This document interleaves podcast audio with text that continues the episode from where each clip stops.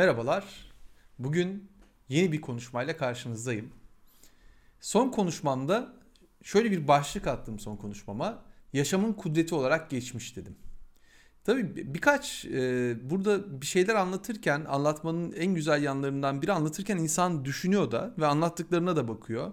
E, sağ olsun e, bu editleme işleri bir taraftan tekrar tekrar anlattıklarımızı dinleme imkanı da buluyor. Ve bir taraftan bu konuşmalar aslında kendimle konuşmalara da dönüyor. Söylediklerimi tekrar tekrar düşünüyorum. Bir de tabii bazı geri bildirimler de geliyor. Ee, bir geri bildirim bana şöyle söylemişti. Hocam yaşamın kudret alanı olarak geçmiş tanımlıyorsunuz ama yaşamın zehri olabilir mi? Geçmiş demiş dedi.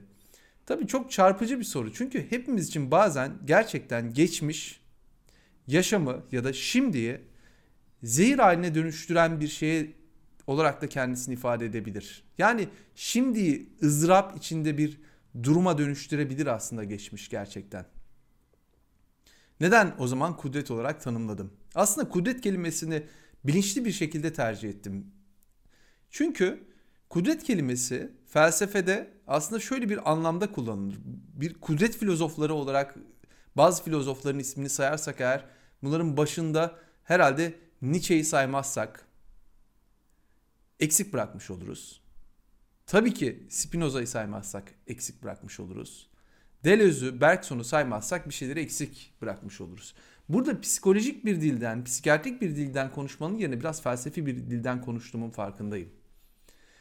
Çünkü kudret üzerinden şimdiyi, var olanları tanımlamak aslında bir dili de içinde barındırıyor bir cevabı da içinde barındırıyor.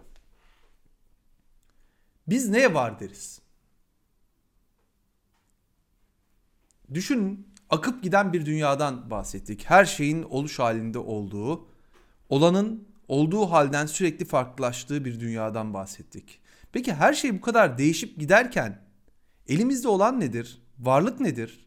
Varlık bu kadar kaygan bir zemine sahipken nasıl onu bir tanım içerisinde, bir kategori içerisinde tanımlayabiliriz.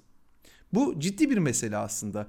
Belki de bütün düşünsel hataların ya da düşünce sürecinde oluşturduğumuz tüm kavramların içine düştüğü bir paradoks varsa bu paradoksun temelinde yatan mevzu da tam da burada yatmakta aslında. Çünkü kavramlar var olanı stabilize etmeye yarıyor. Ama biz onları stabilize etmeye çalıştıkça var olanlar bizim bu stabilize etme çabamıza ayak uydurmuyor. Yaşam akmaya, sürmeye devam ediyor. Onun için bu nedir sorusu sürekli kendine yanıt bulmaya muhtaç bir soru. Çünkü nedir dediğimde o ne olan şey tam da dediğim anda geçmiş olup değişip gitmiş oluyor. Onun için varlığı bir kudret meselesi gibi okumak aslında belki de bu çıkmaza bir yanıt üretme çabası belki de. Bir şey varsa etki gücüne sahipse vardır. Ya da tersinden söyleyeyim bir şey etki gücüne sahipse o şey vardır. Yani bir şey bir şey karşısında bir kudret gösteriyorsa, güç gösteriyorsa o kendi varlığını aslında bir şekilde gösterir hayat sahnesinde. Onun için eğer geçmiş vardır diyorsak geçmiş eğer şimdiye etki ediyorsa şimdi de bir kudreti açığa çıkartabiliyorsa ancak vardır. Eğer şimdiye herhangi bir etkisi yoksa geçmiş zaten olup gitmiştir ve bitmiştir. Onun için belki de Buna güç ontolojisi olarak e, tanımlar e, bazı düşünürler. Güç ontolojisi aslında akıp giden dünyada yeni bir varoluş, yeni bir akış anlayışını içinde barındırır. Şimdi şöyle bir yerden bakalım. Bir bebekten bahsettik. Bebeğin dünyaya gelmesinden bahsettik.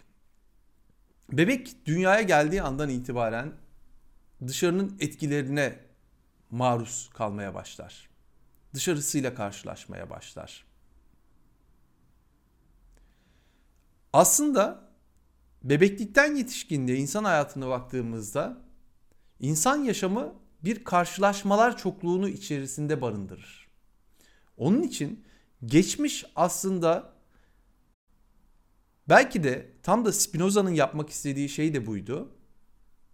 Geometrik düzlemde bir karşılaşmalar çokluğundan ve kudretinden başka bir şey de değildir. Bebek çeşitli etkilere maruz kaldı dedik. Çeşitli karşılaşmalar yaşadı dedik. Ve bu karşılaşmalar elbette bebeğin üzerinde bir etki yaratıyor. Tabi bebeğin bu etkilenme kapasitesi bir taraftan pasif bir etkilenme kapasitesi aslında. Sürekli dışarıya maruz kalan bir varoluş düşünün. Sürekli etkilere maruz kalan bir varoluş düşünün. İlk karşılaşmalar, ilk deneyimler ve bu ilk deneyimlerin insan yavrusunda yarattığı etkileri düşünün. Onun için aslında bir bebek her karşılaşmasında yepyeni bir şeyle karşılaşmasına rağmen ve belki de o ilk karşılaşmalar her şeyin yeni olduğunun da farkındadır aslında. Çünkü zihinde tutulan bir şey yoktur. Her karşılaşma yenidir ve her karşılaşma bebeğin bedeninde aslında bir etki yaratır. Ve biz bebeklikten yetişkinliğe bu karşılaşmaların yarattığı etki çokluğuyla var olmaya devam ederiz. Her şeyin akıp gittiği dünyada, her şeyin yeni olduğu dünyada her etkilenme aslında yeni bir etkilenmedir. Ta ki bir yere kadar. İnsan bu karşılaşmalarda etkilendiği alanda bir anla boşta durmaz. Bir sentez kapasitesi de geliştirmeye başlar. En temel sentez kapasitelerinden biri Deleuze'ün bağlayıcı sentez dediği şeydir belki de. Nedir bağlayıcı sentez dediğimiz şey?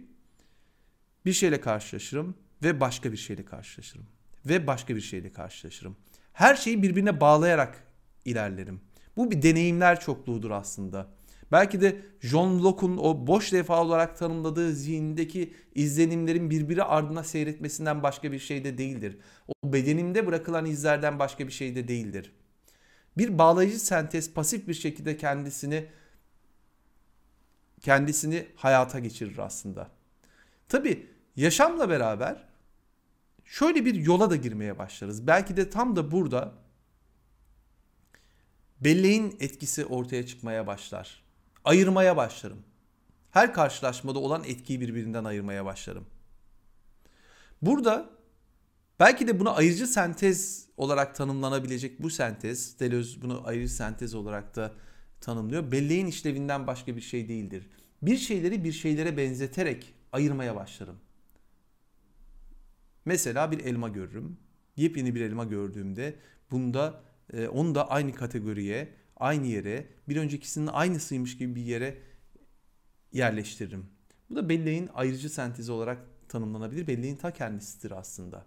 Tabii o büyüme eşiğinde bütün bunlarla beraber zamanla kendi geçmişime baktığımda evet o yaşan yapılanları, yaşananları, o karşılaşmaları yaşayan benim dediğinde aslında tam da burada bir özne kendisini oluşturmaya başlar ve özne artık sadece pasif bir şekilde karşılaşmalarla dışarının etkisine maruz kalan bir pozisyondan aktif bir kendiliğin öznesi haline gelir.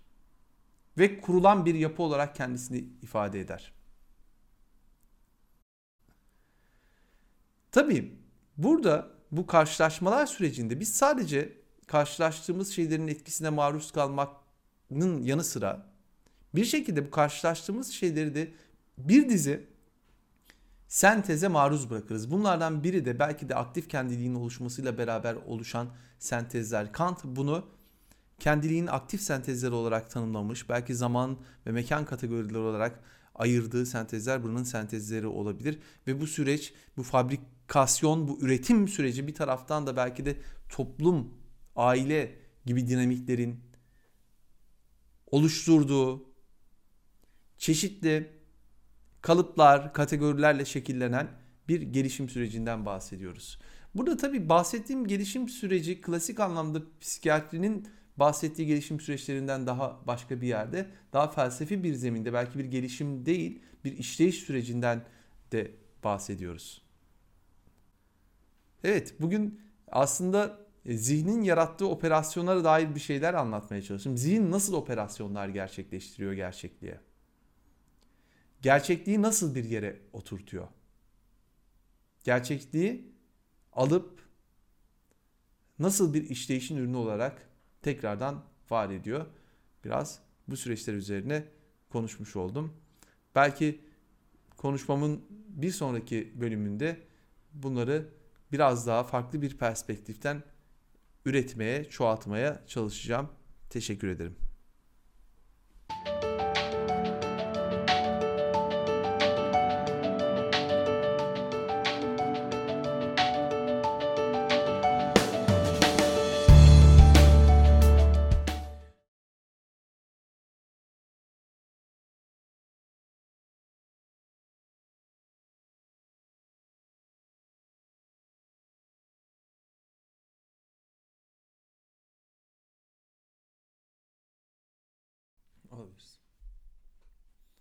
Arada ona da göz atıyorum.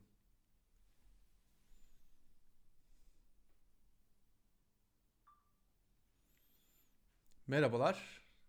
Bugün bıraktığım yerden devam etmek istiyorum. Evet, bu geçmiş meselesine biraz takmış durumdayım. Çünkü gerçekten geçmiş hem psikiyatrinin incelemeli alanı hem felsefenin inceleme alanı olarak çok ortak bir yerde duruyor ve gerçekten de üzerine çok fazla konuşulası bir yerde de duruyor. Geçmiş. Evet. Bir kudret olarak mı geçmiş yoksa bizim hayatımızı, şu anımızı, şimdimizi mahveden bir süreç olarak mı geçmiş? Geçmiş aslında bir karşılaşmalar çokluğudur. Bu karşılaşmaların bedende yarattığı izlerin bir çokluğudur aslında. Biz geçmişi ancak bedenimiz üzerinden tanımlarız. Ancak bedenimize bıraktığı etkiler üzerinden yani etkilenişler üzerinden ancak tanımlayabiliriz. Çünkü geçmiş bir yerlerde iz bırakıyor.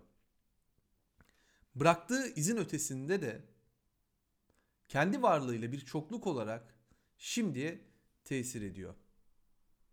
Geçmiş bir karşılaşmalar çokluğudur. Elbette ki ilk karşılaşmalar bu bağlamda önemlidir. Karşılaşmalar, ilk karşılaşmalar üzerinden katlanan ve çeşitlenen karşılaşmaların bir yığını olarak duran geçmiş. İnsan kendi geçmişine baktığı zaman aslında bir anda kendiliğini var etmeye başlar. Kendi geçmişimize baktığımız zaman deriz ki evet bütün bunları yaşayan benim. Ve dedikçe de bir kendilik oluşturmaya başlarız. Ve tam da o geçmişi o oluşturduğumuz kendilikle belki de bazılarının öyküsel ya da narratif self öyküsel kendilik olarak tanımladığı bir kendilik üzerinden aslında kendimizi yeni baştan var ederiz. Her geçmişe baktığımızda. Geçmiş bu karşılaşmalar çokluğunun içinden çıkarttığımız anlamlar bütününden bir kendilik yaratır. Bir dizgi peşi sıra gelen karşılaşmaların oluşturduğu bir dizgidir aslında. Ve biz bu dizgiden çıkardığımız anlamlarla bir kendilik üretiriz. Onun için geçmiş tam da bir rezerv olarak, bir kaynak olarak şimdimize bir magma gibi bir güç taşır. Onun için geçmiş aslında bir çokluk, bir kudret, bir var olma meselesidir. Evet, bugün karşılaşmalar çoklu olarak geçmişten bahsettik. Şimdi yaşama baktığımızda yaşamda çeşitli karşılaşmalar gerçekleşiyor diyoruz. Bu karşılaşmalar aslında hiçbir olumsuzluğu içeren karşılaşmalar değiller. Bir şeyle karşılaşıyorum, o karşılaştığım şeyden etkileniyorum. Olumsuzluk dediğimiz şey aslında zihnin ürettiği bir paradokstan başka bir şey değil. Çünkü yaşam olumsallık üzerinden akan bir kaynak aslında. Bir çokluk aslında. Ve bu akıp giden yaşamın bize bıraktığı izler üzerinden oluşan çokluk bize bir dizi yaşantıyı şimdiye sunar. Biz bu yaşanmış yaşantılara bakarak tam da buradan bir kendilik üretmeye başlarız aslında.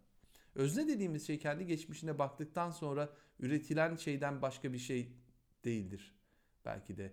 Dil de tam da bu anlamda bu anlatının ortasında bize çeşitli olanaklar sunan bir güçten başka bir şey değildir. Evet, bugün geçmişin şimdi etkisi üzerinden bahsettik ve bu geçmişten neler yaratabiliriz, neler ortaya çıkartabiliriz dedik.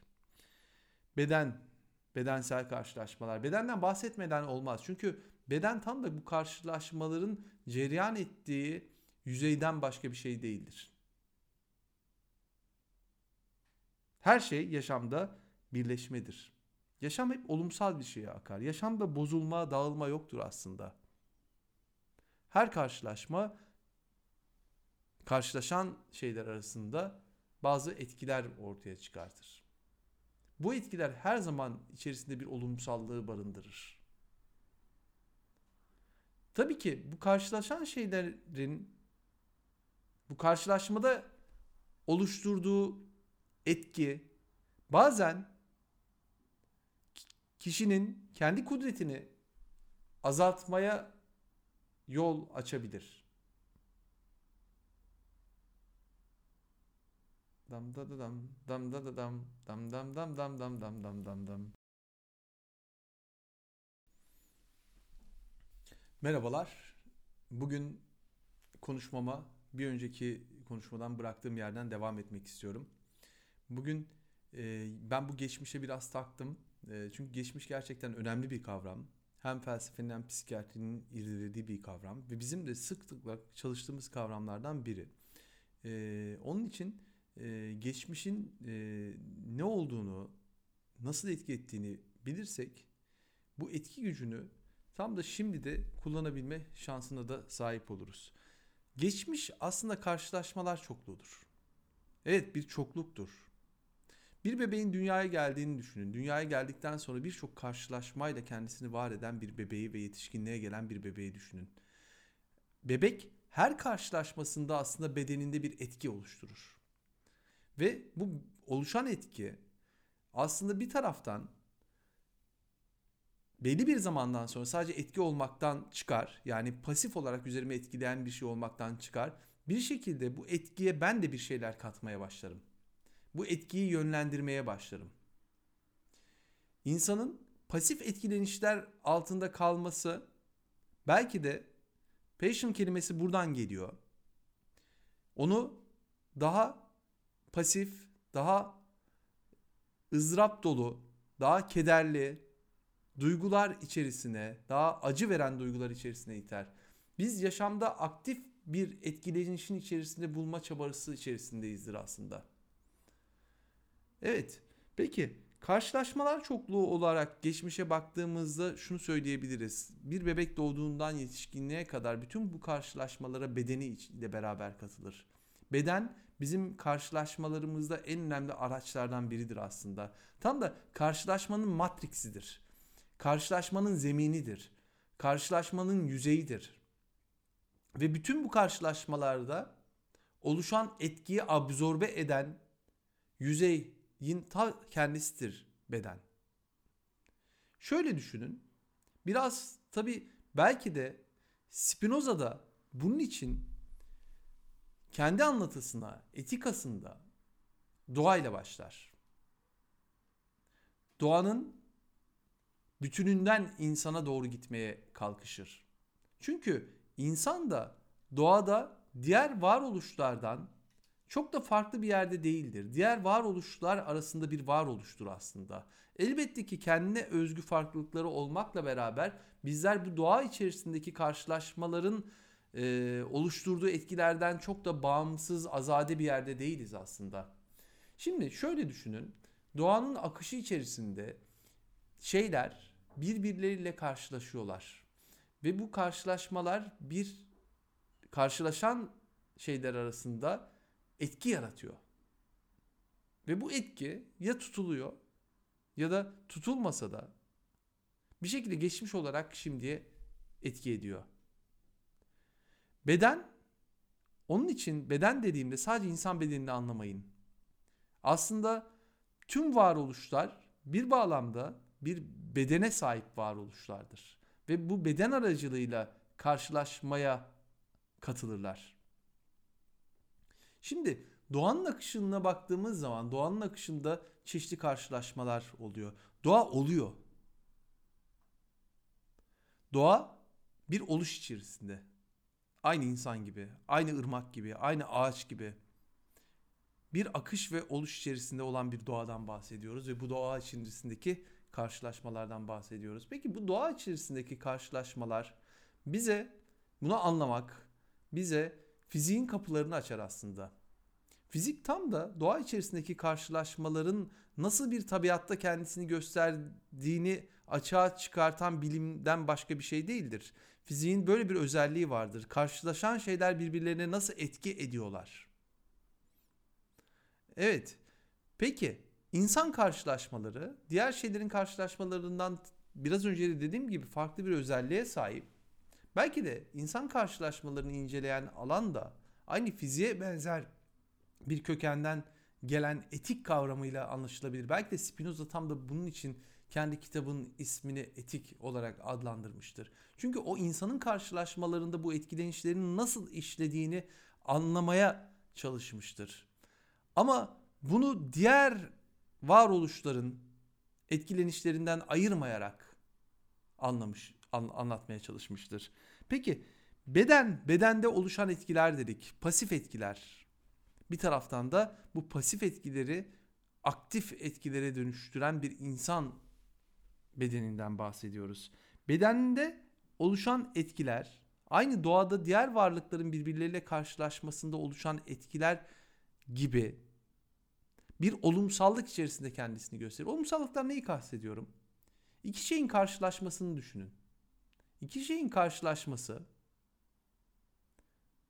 aslında bir oluşun kendisini ifade etmesinden başka bir şey değildir. İçinde herhangi bir olumsuzluğu barındırmaz. O sadece bir karşılaşmadır ve bu karşılaşma karşılaşan şeyler arasında bazı farklılıkları ortaya çıkartır. Yaşam böyle bir olumsallık ve farklılaşma içerisinde kendisini ifade eder. Bedende oluşan etkilerin olumsallığından bahsediyorum. Onun için yaşamda aslında olumsuz diye bir şey söz konusu değildir. Bir denizin dalgalanmasında olumsuz bir şey olmadığı gibi, bir rüzgarın esmesinde olumsuz bir şey olmadığı gibi, bir ırmağın akmasında olumsuz bir şey olmadığı gibi, insan yaşamında da karşılaşmalarda olumsuz bir şey aslında yoktur. Bu insanın tam da yaşama kattığı anlamların içinden çıkan bir şeydir olumsuzluk. Yaşam olumsal bir şekilde çağlayıp akar. Bu olumsallık içerisinde bazı karşılaşmalar karşılaşan şeyin kudretini artırabilir, açığa çıkartabilir. Ya da onun eyleme kapasitesini azaltabilir. Yani ortadan kaldırabilir. Spinoza için doğada mutlak anlamda iyi ya da kötü yoktur. Onun için karşılaşmalarda eyleme kapasitesini artıran etkiler yani kudreti artıran etkiler ve kudreti azaltan etkiler söz konusudur. Yaşam içerisinde karşılaşan şeyler ya birbirlerinin etkilerini artırırlar ya da birbirlerinin etkisini azaltırlar. Aslında birbirlerinin kudretini azaltan karşılaşmalar da bir kudret açığa çıkartır. Bunu da bir olumsallık zemininden okumak gerekiyor. Kötü ya da iyi eğer bir şey başka bir şeyin eyleme gücünü azaltıyorsa bu karşılaşma kötü bir karşılaşmadır. Keder üreten bir karşılaşmadır. Pasif bir karşılaşmadır. Aynı patient kelimesinin kökünde yani pasif de aynı kökenden gelir. ızdırap uyandıran karşılaşmalardır aslında. Şimdi karşılaşmalar deyince aklıma bir karşılaşma geliyor. Spinoza ile Belenberg denilen e, bir radikal Hristiyan e, gencin mektuplaşmaları. Bilenberg kendini şöyle tanıtıyor. Diyor ki ben hakikat peşinde koşan bir insanım diyor ve Spinoza ile Spinoza'nın düşünceleri üzerinde mektuplaşmaya başlıyor. 8 mektup gönderiyorlar birbirlerine. Daha sonra Spinoza Bilenberg'in mektuplarının iyi niyetli mektuplar olmadığını fark ederek mektuplaşmayı kesiyor. Burada tabi Bilenberg bir radikal Hristiyan olarak Spinoza'nın teolojik anlayışını irdelemeye, anlamaya ama anlamaktan öteye ifşa etmeye çalışan bir tutum içerisinde. Şöyle bir örnek veriyor. Yaratılış öyküsünde Adem'le elmanın karşılaşması üzerinden örnek veriyor. Şöyle diyor, diyor ki Adem'in elmayı yemesi ve dünyaya düşmesi kötü bir şey midir? diyor Bilenberg. Spinoza'nın cevabı çok ilginç. Spinoza şöyle diyor. Diyor ki Adem elmanın kendisini dünyaya düşürecek bir şey olduğunun farkında değildi. O sadece olumsallık içinde bir eylem gerçekleştirdi. Onun için bir zehir olacağının farkında değildi ama elma onun yaşam kudretini düşürdü. Onun için bu Adem için kendi kudretini, eyleme kapasitesini azaltan bir karşılaşmaydı. Ama Adem Tanrı'nın buyruğunu yerine getirip elmayı yemeseydi o zaman tam da ahlaki normlara uygun bir şekilde hareket edecekti. Adem'le elmanın karşılaşması Adem açısından kötü bir karşılaşmadır. Kendi kudretini azaltan bir karşılaşmadır. Şimdi geçmişte bizim açımızdan çeşitli karşılaşmalar arasında e, şimdiye etki eden bir özelliğe sahip demiştik. Geçmiş bir şekilde aslında şimdiye etki ederken tam da biraz önce anlattığım zeminde olumsal bir yerden etki eder. Onu zehire ya da bir etki gücünü artıran sevinçli karşılaşmalara döndürmek bizim elimizdedir. Yani aktif bir şekilde onu başka bir şeye dönüştürebiliriz. Geçmiş varsa eğer etki ettiği ölçüde vardır. Geçmiş varsa etki ettiği ölçüde eğer yaşamımızın içinde yer buluyorsa ve bizim eyleme kudretimizi artırıyorsa o zaman gerçekten geçmiş bir kudreti açığa çıkartabilir.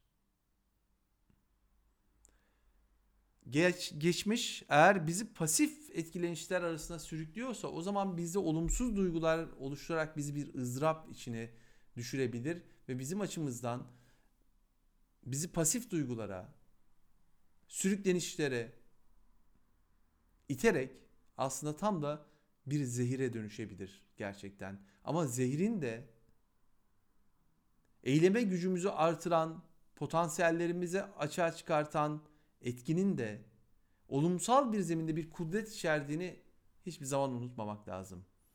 Geçmişin karşılaşmalar arasındaki dizgilere bakarak geçmişten anlamlar çıkartarak aslında geçmişi şimdi de yeni baştan var ederiz. Belki de kudretten kastım tam olarak da bu. Geçmişi nasıl ele alacağız? Biz bu geçmişte ne yapacağız? Spinoza'nın temel sorularından biri şu. Diyor ki bir bedenin nelere muktedir olduğunu bilemezsiniz. Bu karşılaşmalar çokluğunun şimdi de nasıl yeni bir potansiyel ortaya çıkartacağını bilemeyiz. Çünkü bir beden tam da karşılaşmalarının yarattığı etkiden bir çokluğu içinde barındırır ve bu çokluk aslında tam da olumsallık zemininde yeni güçler, yeni var olma potansiyelleri, belki de virtüellik demek daha doğru olabilir. içinde barındıran bir kudret alanıdır bu bağlamda. Evet bugün böyle biraz iyi, kötü, karşılaşma, onların etkileri ve bu etkilerin bizim eyleme gücümüzü artırması, azaltması gibi konulardan geçmiş nasıl bir zehire dönüşebilir? Ya da geçmiş nasıl bizim etkileme gücümüzü, kapasitemizi artıran bir çoğulluk ve çokluk alanına dönüştürülebilir? Bunun üzerine Spinoza felsefesi üzerinden e, konuşmaya çalıştım. Çok teşekkür ederim beni dinlediğiniz için.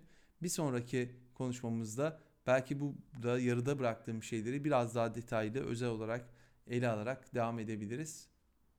Görüşmek üzere.